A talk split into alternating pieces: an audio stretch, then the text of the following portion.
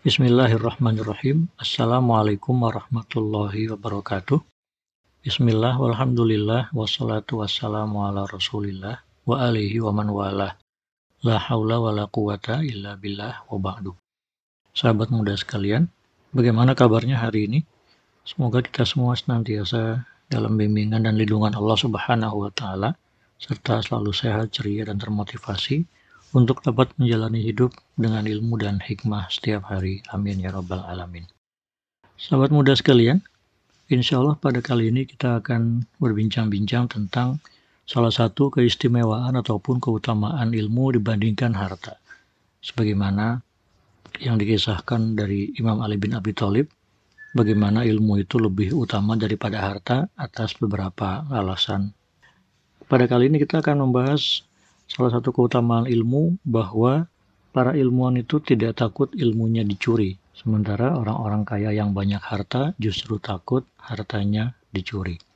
Para sahabat muda sekalian, pandangan atau paradigma ini memang ada kaitannya dan kita tidak bisa memisahkan ya dari pandangan sebelumnya yang dimiliki oleh para ilmuwan bahwa ilmu itu semakin bertambah jika dia dikeluarkan ataupun disumbangkan ataupun diajarkan kepada orang lain.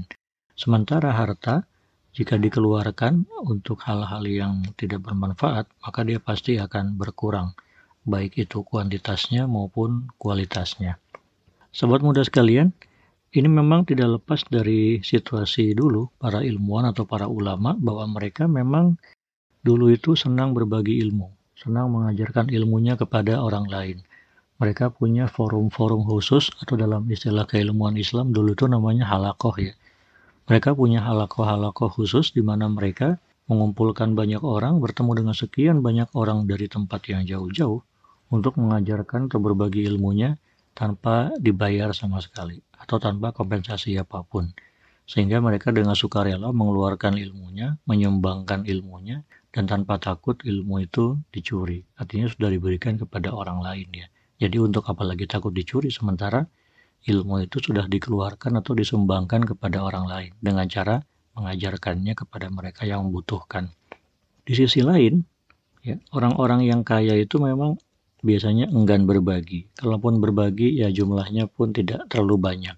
Oleh karena itu, mereka tanda kutip seperti yang jelaskan sebelumnya, mereka punya banyak musuh, mereka banyak orang yang tidak suka dengan mereka, banyak orang yang mungkin melihat harta mereka itu terlalu banyak dan mereka diharapkan ya oleh orang-orang yang membutuhkan itu untuk mau berbagi, meningkatkan harkat martabat sesama, terutama soal ekonomi, supaya terjadi pemerataan. Oleh karena itu, kenapa sering kali orang-orang kaya menjadi sasaran pencurian? Ya karena itu tadi, banyak orang tidak suka melihat kekayaannya sehingga orang berusaha untuk mendapatkannya dengan cara yang tidak sah atau tidak halal. Oleh karena itu, tidak ada istilah ilmu dicuri pada zaman dulu itu. Sementara harta dari dulu sampai hari ini sampai entah sampai kapan pun gitu ya, pasti namanya harta itu pasti ada istilahnya pencurian dengan cara apa pun begitu ya. Sahabat muda sekalian, dengan demikian sebetulnya tidak ada istilah ilmu yang hilang. Jadi ilmu itu tidak akan hilang selama dia dipelihara, dipelajari, diajarkan, diteruskan, dikembangkan dan sebagainya. Tidak ada istilah ilmu yang hilang Meskipun ilmu itu tanda kutip ya, dicuri, dibagi kepada orang lain, diambil orang lain, dia akan tetap ada bahkan bisa berkembang. Sementara harta ketika dicuri, dikonsumsi habis demikian rupa, maka harta itu juga akan hilang dengan sendirinya begitu. Sobat muda sekalian, orang dulu itu kalau belajar penuh etika. Itulah kenapa para ulama dulu itu menjaga ilmu mereka dengan adab yang mereka tunjukkan kepada diri sendiri maupun orang lain serta Allah Subhanahu wa taala. Jadi orang-orang yang belajar kepada mereka pun adalah orang-orang yang juga belajar tentang kesantunan, belajar tentang hikmah, belajar tentang kearifan begitu ya. Sehingga dengan demikian mereka betul-betul memberikan ilmu itu dengan sangat ikhlas, dengan sangat tulus, dan mereka sama sekali tidak khawatir untuk memberikan ilmu itu karena mereka meyakini ilmu itu dari Allah ya, karunia. Jadi untuk apa mereka simpan sendiri, untuk apa mereka nikmati sendiri, maka mereka dengan sangat bahagianya mau berbagi ilmu kepada orang lain. Sementara orang-orang yang punya harta itu mungkin bersyukur, mungkin juga menikmati kekayaan yang dia terima dari Allah Subhanahu wa taala.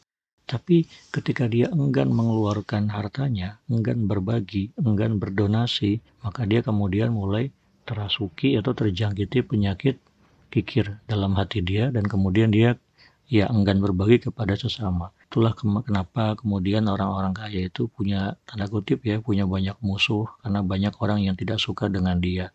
Kemudian kenapa banyak orang kaya itu menjadi sasaran ya karena memang kekayaan mereka terlalu banyak sehingga orang mungkin berusaha berpikir bagaimana mendapatkan kekayaannya karena tidak dibagi. Kalau dibagi sih mungkin mereka juga nggak akan mencuri ya. Karena dengan cara itu mereka berusaha untuk merampas harta orang-orang yang kaya itu. Alhasil ya, para sahabat muda sekalian, ilmuwan zaman dulu itu tidak pernah menganggap ilmu itu seperti kekayaan yang dipelihara, disimpan, ditumpuk, ditimbun begitu ya, tidak pernah. Jadi ilmu itu dibagi, dibagi, dibagi, disebar, disebar, disebar. Sehingga mereka tidak perlu takut ilmu itu dicuri. Sampai orang-orang kemudian masuk rumahnya, mencuri buku-bukunya dan segala macam. Nggak pernah terjadi. Sebenarnya orang kaya ya sering kali mengalami nasib sial seperti itu. Itulah kenapa para ulama dulu betul-betul tidak pernah memikirkan hak cipta, tidak pernah memikirkan apa yang disebut dengan hak paten dan segala macam. Karena mereka menyadari hasil dari proses panjang mereka belajar, ya hak ciptanya milik Allah. Karena mereka menyadari itu juga karunia Allah, sampai mereka bisa membuat ini itu tak lepas dari ilmu sebagai karunia Allah yang diberikan kepada mereka. Jadi mereka dengan ya, sangat terbuka, dengan sangat tulus membagi, menyebar, mempublikasi ilmu mereka tanpa ketakutan ilmu itu akan dicuri oleh orang lain. Di samping juga para pembelajar pada masa itu juga adalah orang-orang yang penuh etika. Dia tidak pernah misalnya mencuri kitab, mencuri ilmu, lalu kemudian mengklaim tulisan itu menjadi miliknya, tidak pernah. Itu kondisi ilmuwan pada zaman dulu ya. Sementara di zaman modern ini justru banyak para ilmuwan menganggap ya tadi itu ilmu sebagai properti dia ilmu atau produk dari ilmu dia adalah kekayaan intelektual dia sehingga kemudian ketika ada orang lain ingin memanfaatkan ya dia minta royalti dia minta bagian dari apa yang dia dia buat. Dia meminta misalnya ketika orang lain itu mengutip karya dia ya sebutlah bahwa itu adalah karya orang lain karya yang bersangkutan gitu. Nah sekarang kan banyak orang belajar, banyak orang kuliah, itu kan mulai menunjukkan sikap-sikap yang tidak etis gitu ya mencuri ilmu tanda kutip. Kenapa mencuri ilmu? Bagaimana caranya? Iya mereka mengutip pendapat orang lain tapi tidak disebut sumbernya. Diaku punya sendiri. Lalu ada karya orang lain dijiplak, dibajak dan seterusnya sehingga kemudian itu menjadi milik ya si pencuri ilmu yang tadi itu tanda kutip dan dia tidak menyebutkan bahwa karya ini ada inspirasi, ada sumber, ada kesamaan dengan karya terdahulunya. Oleh karena itu kemudian sekarang para ulama itu para ilmuwan berlomba-lomba memproteksi ya keilmuan mereka, memproteksi produk-produk intelektual mereka sebagai kekayaan dalam tanda kutip yang dilindungi supaya tidak dicuri. Karena memang sekarang situasi berubah jauh. Banyak pencuri ilmu sekarang yang tadi sifatnya, yang sikapnya naif gitu ya, mengutip tanpa pengakuan sumbernya atau menjiplak produk orang lain tanpa penyebutan sumber dan segala macam sehingga kemudian ilmu itu sekarang bisa berubah menjadi seperti kekayaan dalam tanda kutip kekayaan intelektual yang kemudian diproteksi dengan segala macam undang-undang supaya tidak ada yang mencuri. Padahal ya para sobat muda sekalian seandainya memang para pembelajar sekarang itu masih memelihara etika seperti para pembelajar zaman dulu di abad pertengahan atau di abad klasik maka insya Allah kita di mana pun sebagai ilmuwan tidak pernah khawatir ilmu itu akan dicuri tapi karena sekarang banyak tadi itu ya, hantu-hantu yang berkeliaran, para peneliti, para periset, mahasiswa-mahasiswa yang tanda kutip ya curang dan culas, mengutip sana mengutip sini, membuat tulisan lalu kemudian tulisan itu dia punya sendiri padahal ada kutipan dari sumber lain. Nah, oleh karena itu sekarang pada akhirnya sangat dimaklumi jika kekayaan intelektual itu harus diproteksi dengan segala macam aturan. Padahal kalau kita kembali ke masa lalu, itu tidak pernah terjadi dan tidak akan pernah ada.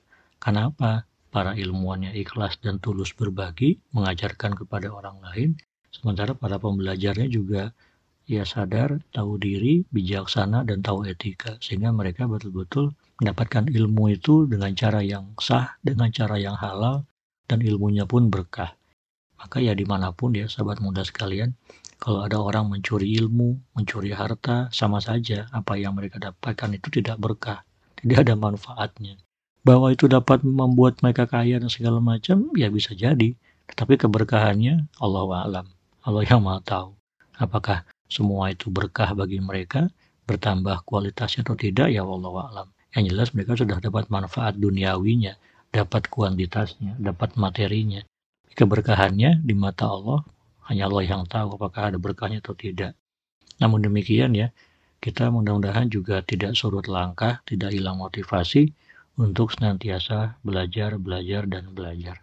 Karena bagaimanapun ilmu tetap lebih berharga dan lebih bernilai daripada harta yang berapapun banyaknya. Dalam proses kita belajar, kita kemudian juga harus tahu etikanya, tahu adab-adabnya, dan tahu aturannya. Sehingga saat kita dapat ilmu dari orang lain, katakan saya tahu ini dari orang tersebut. Katakan saya dapat ini dari sumber mana. Lalu kalau kita membuat produk, katakan produk ini ada kemiripannya, ada kesamaannya, atau bahkan ada inspirasi dari produk lain yang serupa misalnya. Sehingga kemudian kita mengakui adanya kontribusi orang lain dalam kemajuan keilmuan kita bahwa kita menulis sebuah artikel, melakukan sebuah penelitian, pasti ada langkah orang lain sebelumnya yang telah melakukan hal itu terlebih dahulu. Ketika kita membuat sebuah produk, kita pasti harus menyebutkan dari mana dapat inspirasi tentang produk ini, bagaimana cara membuatnya, apa kesamaannya dengan produk sebelumnya, apa bedanya, dan kalau sama, apakah kita sudah minta izin kepada yang bersangkutan untuk menduplikasi atau meniru atau mereplikasi cara-cara yang dia punya, nah itu juga harus ditempuh, harus diikuti aturan itu supaya kita betul-betul menjaga etika keilmuan. Artinya apa? Kita meminta izin, kita meminta keabsahan, meskipun memang sekarang ada kompensasinya ya, ada bayaran ini itu untuk membeli hak cipta segala macam.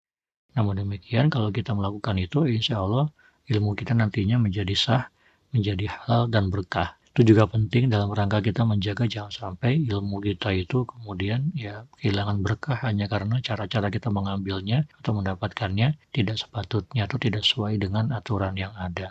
Jadi begitu ya sahabat muda sekalian. Kalau kita pemilik ilmu itu tidak sungkan berbagi, maka ilmu itu insya Allah akan mudah menyebar dan orang lain juga tahu diri kok. Orang ini tidak menyembunyikan ilmu, tidak sulit menjawab kalau ditanya, maka bagaimanapun orang juga akan menikmati keberkahan dari ilmu kita.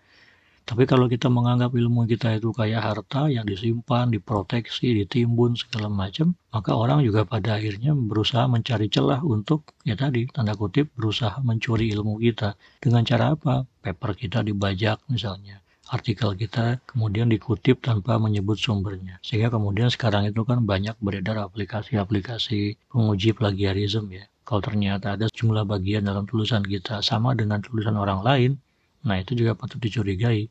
Apakah kita kemudian terbukti mengutip yang bersangkutan tanpa menyebut sumbernya, nah itu juga pasti akan ada konsekuensi hukumnya. Jadi mudah-mudahan ya sahabat muda sekalian, pesan dari Imam Ali tentang ilmu yang memilikinya tidak takut ilmu dicuri itu memberikan makna bagi kita tentang bagaimana kalau kita udah punya ilmu sebetulnya Mari kita bagi ilmu itu, kita sebar, kita perluas dengan kebaikan kita, sehingga dengan demikian ilmu itu berkah dan manfaat bagi orang lain dan kita tidak perlu takut ilmu itu dicuri. Kalaupun memang nanti ada yang mencuri ilmu kita, ya pasti Allah sudah menyiapkan hukuman bagi dia bahwa ilmunya itu tidak akan berkah bagi dia meskipun dia dapat harta kekayaan duniawi dari ilmu yang dicuri dari kita itu. Mudah-mudahan ini ada manfaatnya dan memberikan kita motivasi untuk selalu belajar, berkarya, membagi kekayaan intelektual kita kepada orang lain dengan setulus-tulusnya. Amin ya rabbal alamin. Sampai sini dulu ya. Kita lanjut lagi besok dengan materi yang lain. Terima kasih. Wassalamualaikum warahmatullahi wabarakatuh.